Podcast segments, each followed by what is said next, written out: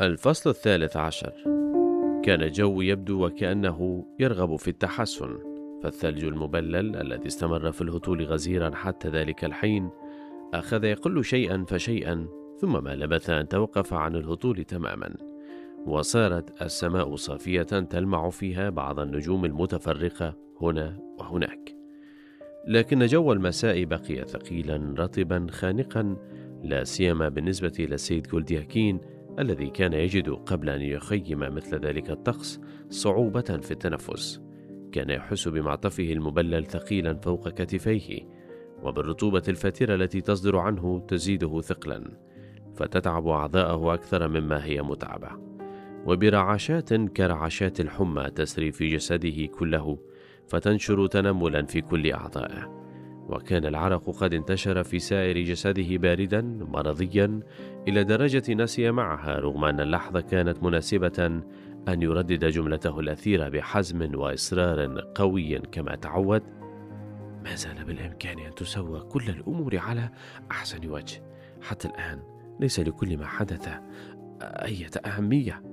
قال بطلنا هذا في نفسه صامدا مقاوما للاستسلام وهو يمسح عن وجهه قطرات الماء المتساقطة من قبعته التي كان المطر قد بللها تماما إلى درجة أنها أصبحت عاجزة عن أن تستمر في حمايته. بعد أن طمأن بطلنا نفسه بأن ليس لكل ما حدث إلى تلك اللحظة أي أهمية حاول أول الأمر أن يجلس على قطعة من خشب كانت ملقاة قرب كومة من الحطب في منزل أولوسوف إيفانوفيتش. لا مجال الآن للتفكير في تلك الأغاني الغرامية الإسبانية وتلك السلالم الحريرية ولكن للبحث عن ركن معزول لن يكون دافئا طبعا غير أنه سيوفر له الراحة ويمكنه من الاختباء. هذا ما ينبغي التفكير فيه الآن. وأخذ السيد جولدياكين يحلم بشيء من الحنين بذلك الركن المظلم الصغير في مدخل الخدم بمنزل أولوسوف إيفانوفيتش حيث قضى بطلنا في بداية هذه القصة الواقعية. زهاء ساعتين واقفا مختبئا خلف خزانة للملابس وحاجز خشبي عتيق. وسط أكوام من الملابس والخرق البالية والخردوات. إنه الآن يقف منذ ساعتين في فناء منزل أولوزوف إيفانوفيتش. لكن ذلك الركن المنعزل المريح حيث قضى ساعتين مختبئا لم يعد كما كان آنذاك.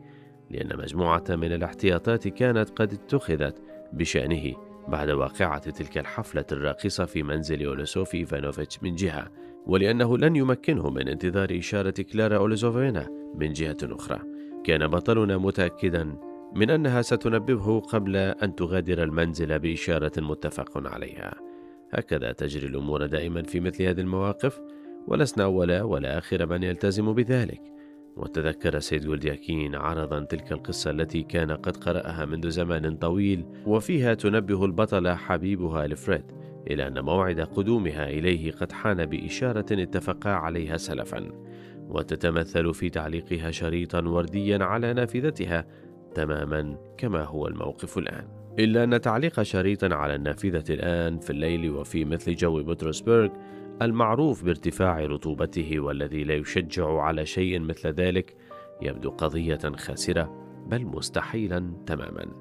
لن تعلق شريطا على نافذتها. إنه متأكد من ذلك. لا مجال هنا للسلالم الحريريه قال بطلنا في نفسه. سأنتدب مكانا من هذا الفناء مظلما.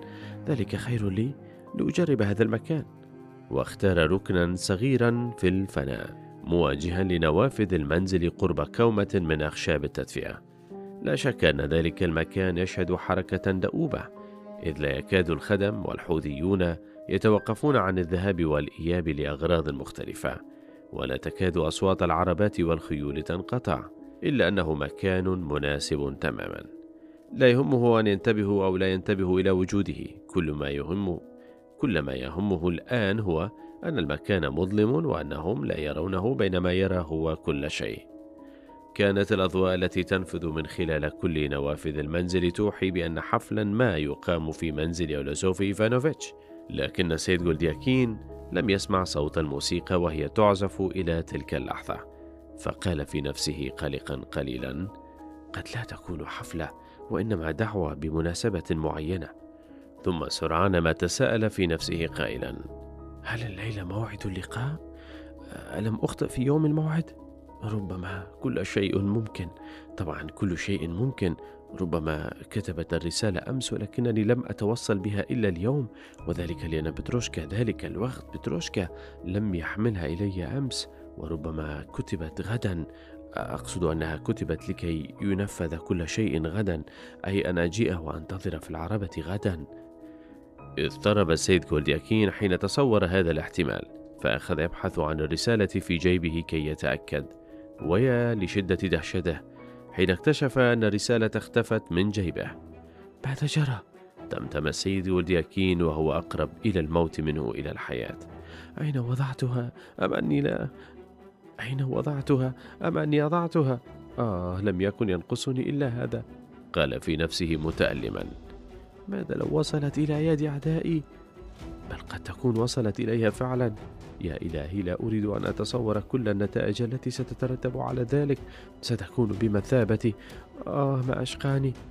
وأخذ السيد جولدياكين يضرب حين تذكر أن شبيهه الوقح قد يكون سرق منه الرسالة في تلك اللحظة التي ألقى بمعطفه على رأسه وذلك بعد أن علم بوجودها عن طريق المتآمرين معه. هكذا إذا. إنه يسرق الرسائل أيضا بالإضافة إلى كل ما يسرقه قال السيد جولدياكين في نفسه والدليل هو وهل هناك حاجة إلى دليل؟ ألا يكفي كل ما فعله حتى الآن؟ تجمد من الرعب في مكانه أول الأمر ثم ما لبث أن تهيج من شدة الإحساس بالعجز وأخذ يتأوه وتستك أسنانه وأمسك رأسه الذي كان يؤلمه ألما شديدا في تلك اللحظة بيديه ثم تهاوى فوق قطعة الخشب وهو يفكر. لكن أفكاره كانت مشتتة فتارة تعبر ذهنه وجوه مختلفة وتارة يتذكر وقائع كان قد نسيها منذ زمن طويل. وتارة أخرى تبرق في عقله ألحان بعض الأغاني التافهة واضحة كل الوضوح حينا ومبهمة تماما حينا آخر. كان في حالة من الضيق والقلق تكاد لا تصدق. آه يا إلهي يا إلهي. قال بطلنا في نفسه وقد استعاد شيئا من وعيه وأخذ يحاول أن يخنق نشيجا في حلقه. هب شيئا من القوة لروح الغارقة في هوة من الشقاء لا قرار لها. لقد ضعت ضعت تماما ضعت لا ريب. هذا واضح تماما واضح أني ضعت ولا يمكن أن يكون الأمر غير ذلك. لقد فقدت كل شيء فقدت وظيفتي فقدتها بلا أدنى شك. طيب لنفرض أني فقدت وظيفتي فعلا. لقد ادخرت بعض المال وسيكفيني للعيش بعض الوقت. سأستأجر غرفة في منزل يستأجر غرفه الأخرى. أناس آخرون. سأؤثثه بأثاث متواضع رخيص. هذا كل ما سأحتاج إليه. أما ذلك الوقت بتروشكا فأستطيع أن أستغني عنه. عندئذ سأتمكن من الخروج والعودة متى شئت. سأرتاح من بتروشكا الذي لا يتوقف عن الغمغمة كلما عدت متأخرا. إنها ميزة السكن مع الآخرين. طيب لنقل إن كل تلك الأشياء حسنة على هذا النحو. لكن لماذا أتكلم عن هذا؟ ليس هذا ما أريد أن أتحدث عنه الآن. وفيما هو غارق في افتراضاته وحلوله الممكنة عاد به فكره فجأة إلى الواقع. أخذ سيد جولدياكين ينظر حوله وهو حائر ممسك رأسه المضطرب بيديه ثم سمع صوتا يخاطبه من فوق قائلا هل تنوي أن تمضي عما قريب؟ ارتعش السيد جولدياكين ورفع عينيه فرأى الحوذي أمامه مبللا هو الآخر حتى العظام مرتعد الفرائس. لقد دفعه نفاذ صبره بعد أن طال انتظاره إلى أن يعقد عزمه على أن يلقي نظرة على زبونه خلف كومة الحطب. أنا لا شيء أيها الرجل الطيب لا شيء لن أتأخر أيها الرجل الطيب. سأمضي بعد قليل. انتظر قليلا. ابتعد الحوذي وهو يغمغم بشيء ما وتساءل سيد جولدياكين دامع العينين. لماذا يغمغم هكذا؟ ألم أستأجره لليلة بكاملها؟ إنه حقي أليس كذلك؟ لقد استأجرته لليلة بكاملها وانتهى الأمر. ما دخله هو؟ في أن أبقى أو أن أذهب؟ إنني حر في أن أفعل ما أشاء.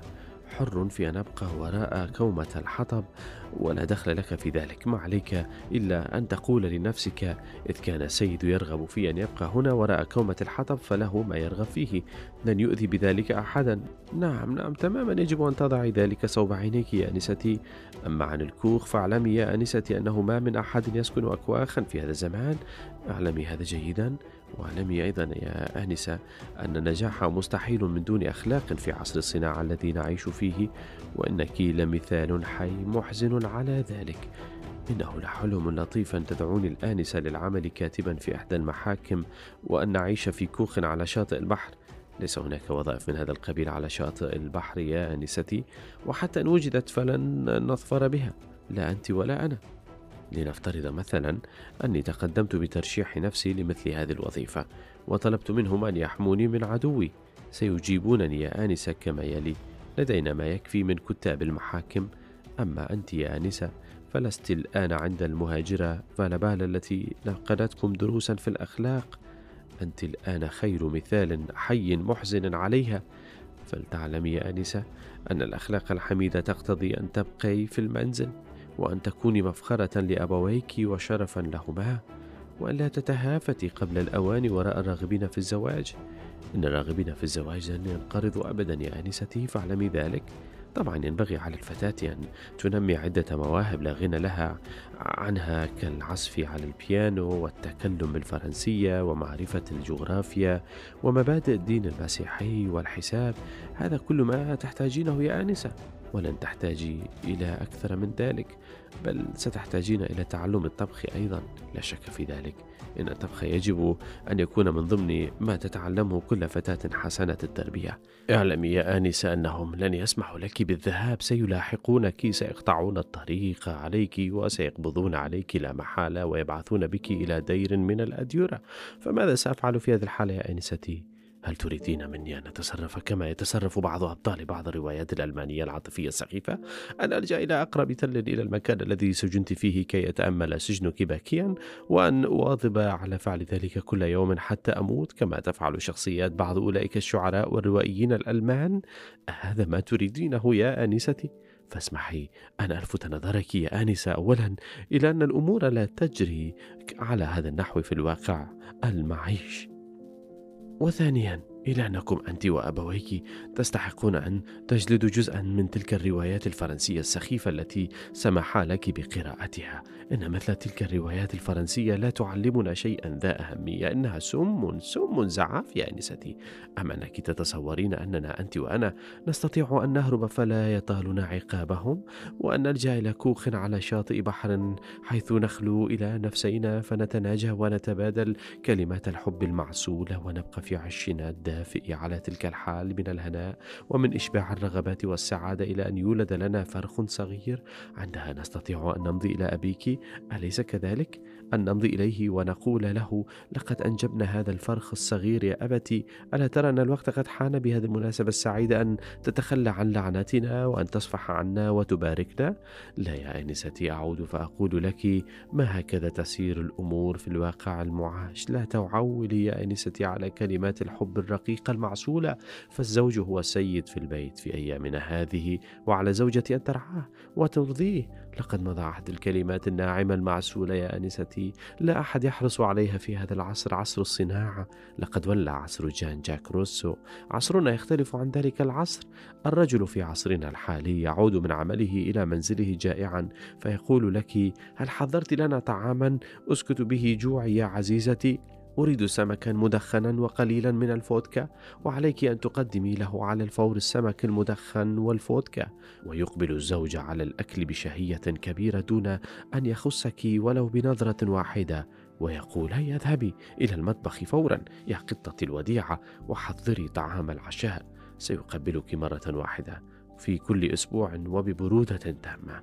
هكذا هي الأمور على أيامنا يا أنستي. نعم أعود فأكرر هي قبلة واحدة كل أسبوع وببرودة تامة هذه هي حقيقة الأمور إذ نظرنا إليها من هذه الزاوية وما علاقتي أنا بهذا كله؟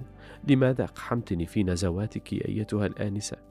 إنك تعتقدين أني رجل كريم مخلص عزيز على قلبك إلى آخره لكن عليك أن تعلمي أنني لم أخلق لك وأنت تعرفين ذلك جيدا فما أنا بالرجل الخبير في مجال العواطف والكلام الناعم المعسول؟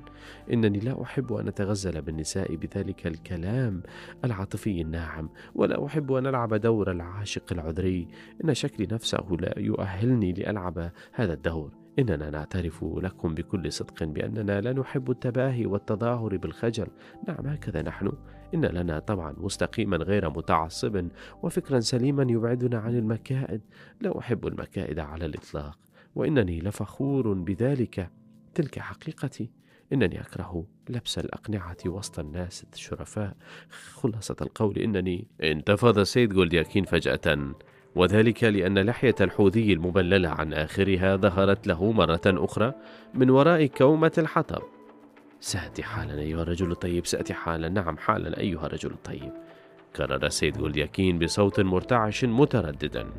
حك الحوذي رقبته ثم داعب لحيته وتقدم نحوه خطوة وتوقف يتأمله بحذر.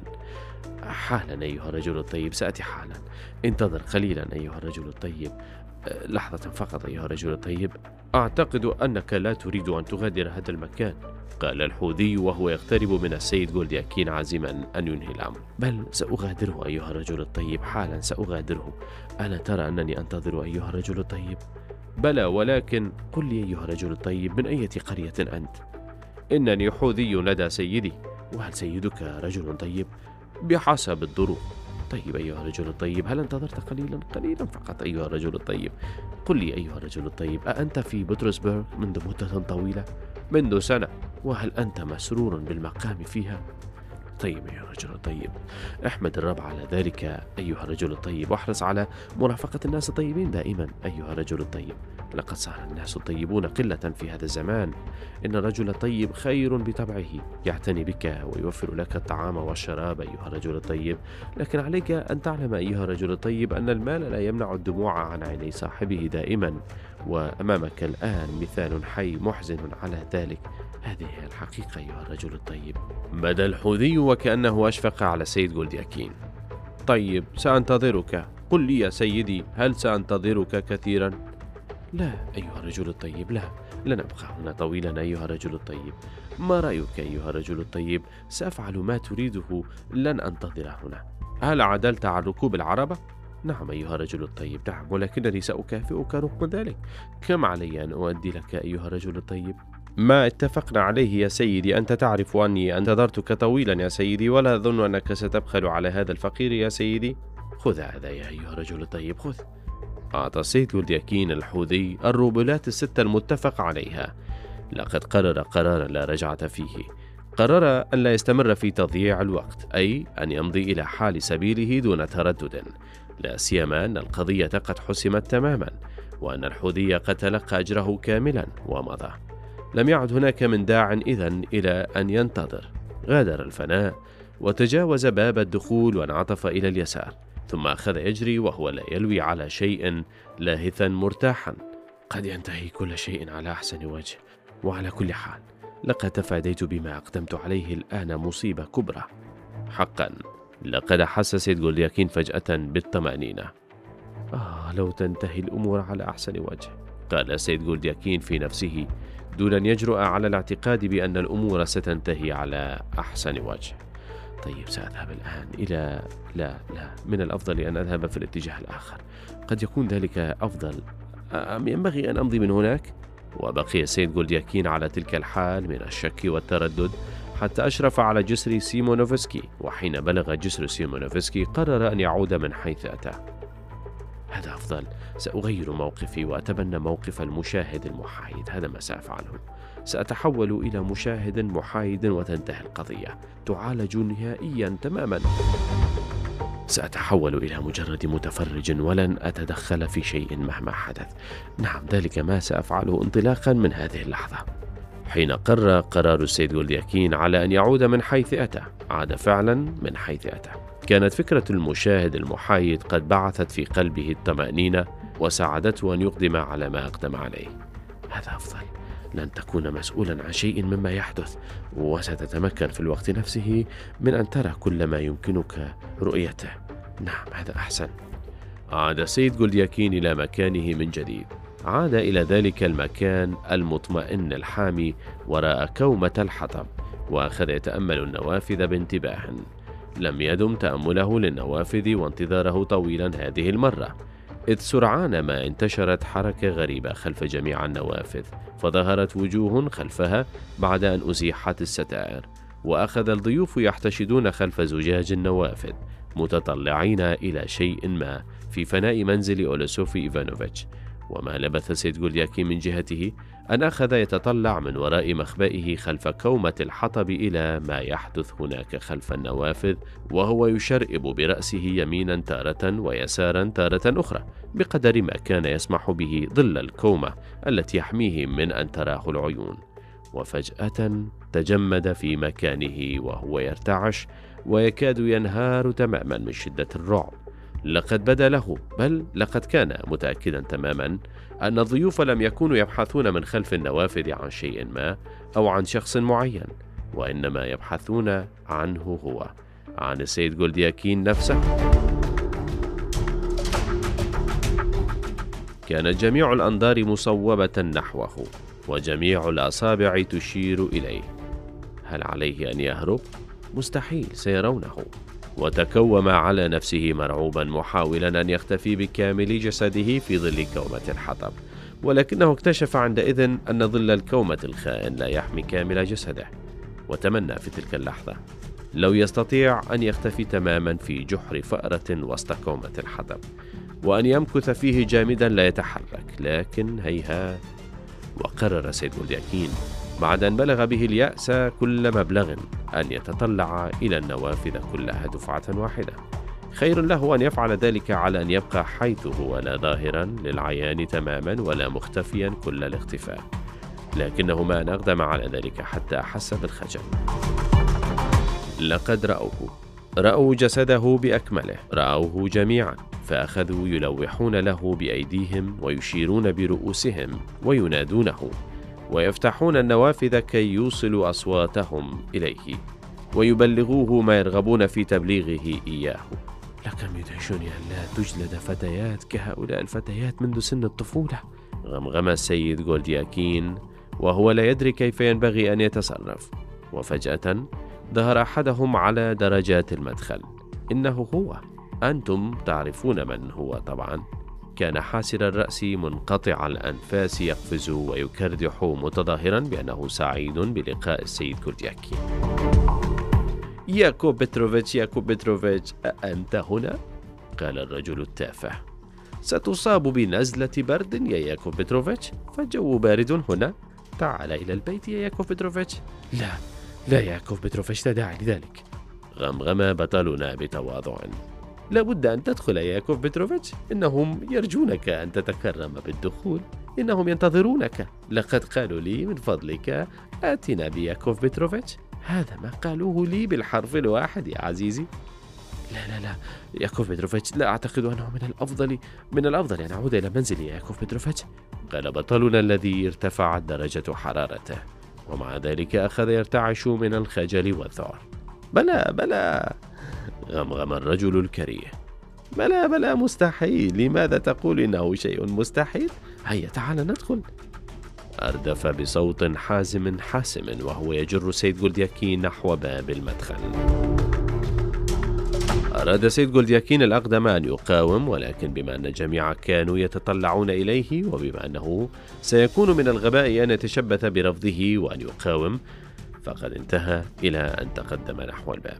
بل لا نستطيع أن نقول أنه تقدم نحو الباب بمحض إرادته لأنه في تلك اللحظة لم يكن يعي ما يفعل.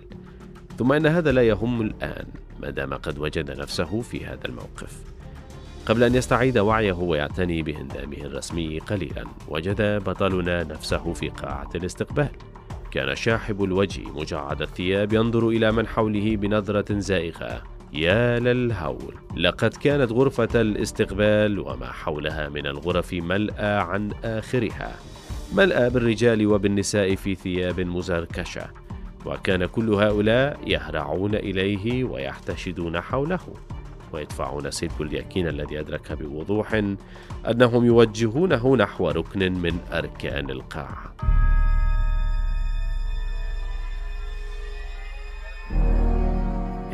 يدفعونني نحو الباب رغم ذلك. لاحظ سيد جولدياكين فعلا لم يدفعه نحو الباب ولكن نحو المقعد الوثير الذي يجلس عليه أولوسوفي إيفانوفيتش. على يمين ذلك المقعد كانت تجلس كلارا أولسوفيفنا شاحبة الوجه متعبة رغم أناقتها المذهلة. وانتبه بطلنا بشكل خاص إلى تلك الأزهار الصغيرة البيضاء التي غرستها في شعرها الأسود والتي أثارت إعجابه. وعلى يسار المقعد كان يجلس فلاديمير سيميونوفيتش في فراك أسود علق على عروته وسام جديد. كان يمسكه من إحدى يديه ويقاد نحو أولسوفي إيفانوفيتش كما سبق القول سابقا.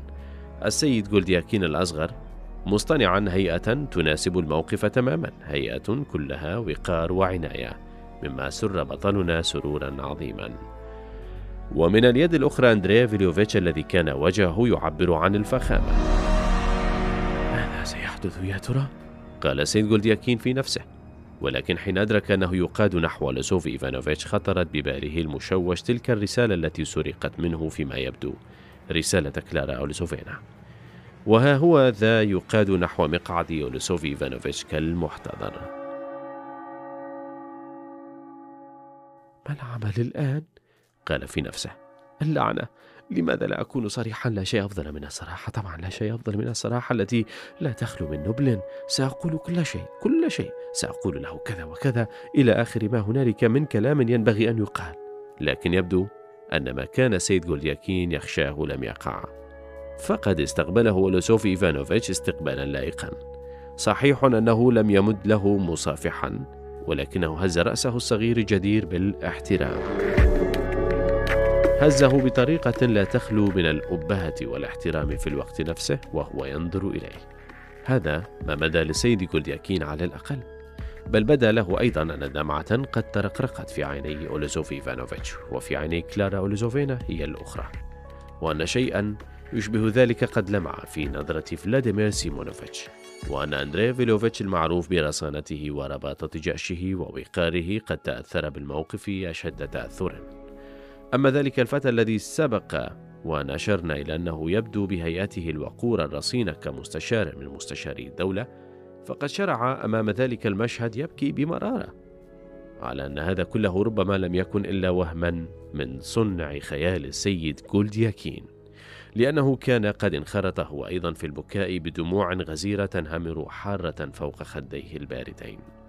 شعر سيد جولدياكين في تلك اللحظة؟ بأنه تصالح مع الإنسانية جمعاء ومع قدره وبأن الحب يغمره. لا حب لسوفي إيفانوفيتش وحده وإنما حب جميع الضيوف بلا استثناء بل حتى حب شبيهه الشرير الذي لم يعد يراه شريرا أو متشبها به وإنما شخصا عاديا تماما ومحبوبا. أراد أن يتوجه بالكلام إلى لوسوف إيفانوفيتش في لحظة تدفقت فيها مشاعره لكن ازدحام المشاعر في نفسه حال بينه وبين أن يتمكن من الكلام فاكتفى بأن وضع يده على قلبه بحركة معبرة في صمت. ولكي يجنب أندريه فيليبوفيتش أولسوفي إيفانوفيتش الشيخ الأشيب وقع الانفعالات العنيفة قاد بطلنا إلى أحد أركان القاعة وتركه هناك حرا وحيدا. وأخذ بطلنا يشق طريقه وسط الضيوف وهو يبتسم ويكلم نفسه وقد اندهش بعض الاندهاش. وتصالح مع الإنسانية جمعاء ومع القدر تصالحا يكاد يكون تما. كان الضيوف يفسحون له كلما اقترب من صفوفهم وهم ينظرون إليه بفضول واهتمام بالغ عجيب. مضى السيد جولدياكين إلى غرفة أخرى مجاورة وهناك استقبل بمثل ما استقبل به في الغرفة الأخرى. كان يشعر شعورا غامضا بأن عددا كبيرا من الضيوف يسيرون وراءه وأن العيون تراقب كل خطوة من خطواته وكل حركة من حركاته وأنهم جميعا يتهامسون بشيء يبدو أنه يهمهم غاية الأهمية ويهشون رؤوسهم ويتجاذبون أطراف الحديث ويتجادلون ويعبرون عن آرائهم بطلاقة أو يعبرون عن دهشتهم. وتمنى سيد يولياكين لو يعرف عما يتحدثون هامسين ومما هم مندهشون. التفت فرأى السيد جولدياكين الأصغر فشعر برغبة ملحة في أن يمسك يده وأن ينتحي به جانبا وأن يرجوه أن يساعده في كل ما سيقدم عليه وأن لا يتخلى عنه في أي لحظة حرجة. هز السيد جولدياكين الأصغر رأسه برزانة وشد على يد السيد جولدياكين الأكبر بقوة أحس بطلنا بقلبه يخفق بقوة وسرعة من شدة الانفعال. وأحس في الوقت نفسه بأنه يختنق جراء كل تلك النظرات الملحة المتسائلة المصوبة نحوه. ورأى سيد جولدياكين عرضا ذلك المستشار الذي سبق وأن رآه في الحفلة في منزل أولوسوف إيفانوفيتش ذلك الذي يضع على رأسه شعرا مستعارا. كان ذلك المستشار يرمقه بنظرة قاسية متهمة. لا تتفق ونظرات العطف التي سادت القاعة قبل قليل. أراد سيد جولدياكين أن يذهب إليه كي يبتسم في وجهه ويحاول أن يعرف سبب تلك النظرات العدائية على الفور لكنه لم يستطع. وأتت لحظة فقد سيد جولدياكين خلالها وعيه وذاكرته وإحساسه. وحين استعاد وعيه وجد نفسه يطوف وسط جماعة من الضيوف تحيط به. وفجأة نادى أحدهم السيد جولدياكين من الغرفة المجاورة. سمع ذلك النداء كل الضيوف. عمت الحركة كل من في القاعة فأسرعوا نحو باب الصالون الأول وهم يكادون يحملون السيد جولدياكين حملا نحو ذلك الباب. بينما ذلك المستشار ذو الشعر المستعار والقلب القاسي يمشي إلى جنبه لا يفارقه. وتناول المستشار يد سيد جولدياكين وأجلسه إلى جانبه. أمام مقعد أولوسوفي إيفانوفيتش لكن على مسافة محترمة منه. وجلس كل الضيوف حول سيد جولدياكين وأولسوفي إيفانوفيتش في عدة صفوف وسكتوا عن الكلام منتبهين. التزموا الصمت جميعا وهم ينظرون إلى أولسوفي إيفانوفيتش مترقبين وقوع شيء غير معتاد. ولاحظ سيد جولدياكين أن سيد جولدياكين الآخر وأندريه فيليبوفيتش قد جلسا إلى جانبي مقعد أولسوفي إيفانوفيتش أمام المستشار. طال الصمت إنهم يترقبون شيئا ما بالفعل. تماما كما يحدث في الأسر الروسية عندما يستعد أحد أفرادها لسفر طويل. لم يبقى الآن إلا أن ينهضوا ويصلوا قال سيد جولدياكين في نفسه. وفجأة حدث بين الضيوف شيء غريب حمل سيد جولدياكين على أن يقطع حبل أفكاره. شيء كان متوقعا منذ وقت طويل. لقد وصل وصل! سمع صوت يصيح وسط الضيوف. من ذا الذي وصل؟ تساءل سيد جولدياكين في نفسه وأخذ يرتعش جراء إحساس غريب. حان الوقت قال المستشار وهو ينظر إلى أندري فيليبوفيتش. نظر هذا الأخير إلى أولسوفي إيفانوفيتش. فأشار أولسوفي إيفانوفيتش إلى الضيوف برأسه إشارة حازمة. لنقف جميعا. قال المستشار وهو يلمس ذراع سيد جولدياكين. قاموا جميعا. تناول المستشار يد سيد جولدياكين الأكبر بينما تناول أندري فيليبوفيتش يد سيد جولدياكين الأصغر. وقادا الشبيهين بوقار وسط الجمهور الذي كان يفسح لهما ويتبعهما منتظرا بشغف. ونظر بطلنا حوله مندهشا. إلا أنه دعي إلى الانتباه وأشير له نحو سيد جولدياكين الأصغر الذي كان قد مد له يده. لا شك أنهم يريدون المصالحة بيننا. قال بطلنا في نفسه. ومد يده هو أيضا إلى سيد جولدياكين الأصغر وقد غمره الانفعال. بعد ذلك مد له وجهه ففعل جولدياكين الآخر الشيء نفسه. بدا للسيد جولدياكين الأكبر أن رفيقه الغدار قد أخذ يبتسم ويغمز من يحيطون بهما بوقاحة. وأن تقاسيم وجهه تعبر عن شيء دنيء بل إنه يقوم بحركات معينة بوجهه وهو يقبله قبلة يهوذا. أحس سيد جولدياكين الأكبر كأن أبواقا تزعق في دماغه ملايين الأبواق وأنه يكاد يغشى عليه وخيل إليه أنه يرى مجموعة من الجولدياكينات يشبه بعضها بعضا كل الشبه. كانت تلك المجموعة من الجولدياكينات تهرع كلها دفعة واحدة نحو أبواب القاعة لكن كان الأوان قد فات. كان صدى القبلة الخائنة يتردد في كل أرجاء القاعة ووقع ما لم يكن في الحسبان قط. انفتحت أبواب القاعة عن آخرها فجأة وظهر على العتبة شخص تجمد سيد جولدياكين تماما عند رؤيته. عجز سيد جولدياكين عن الحركة واختنقت في حلقه صرخة قهر رغم أنه كان قد خمن وقوع شيء كهذا منذ زمن طويل.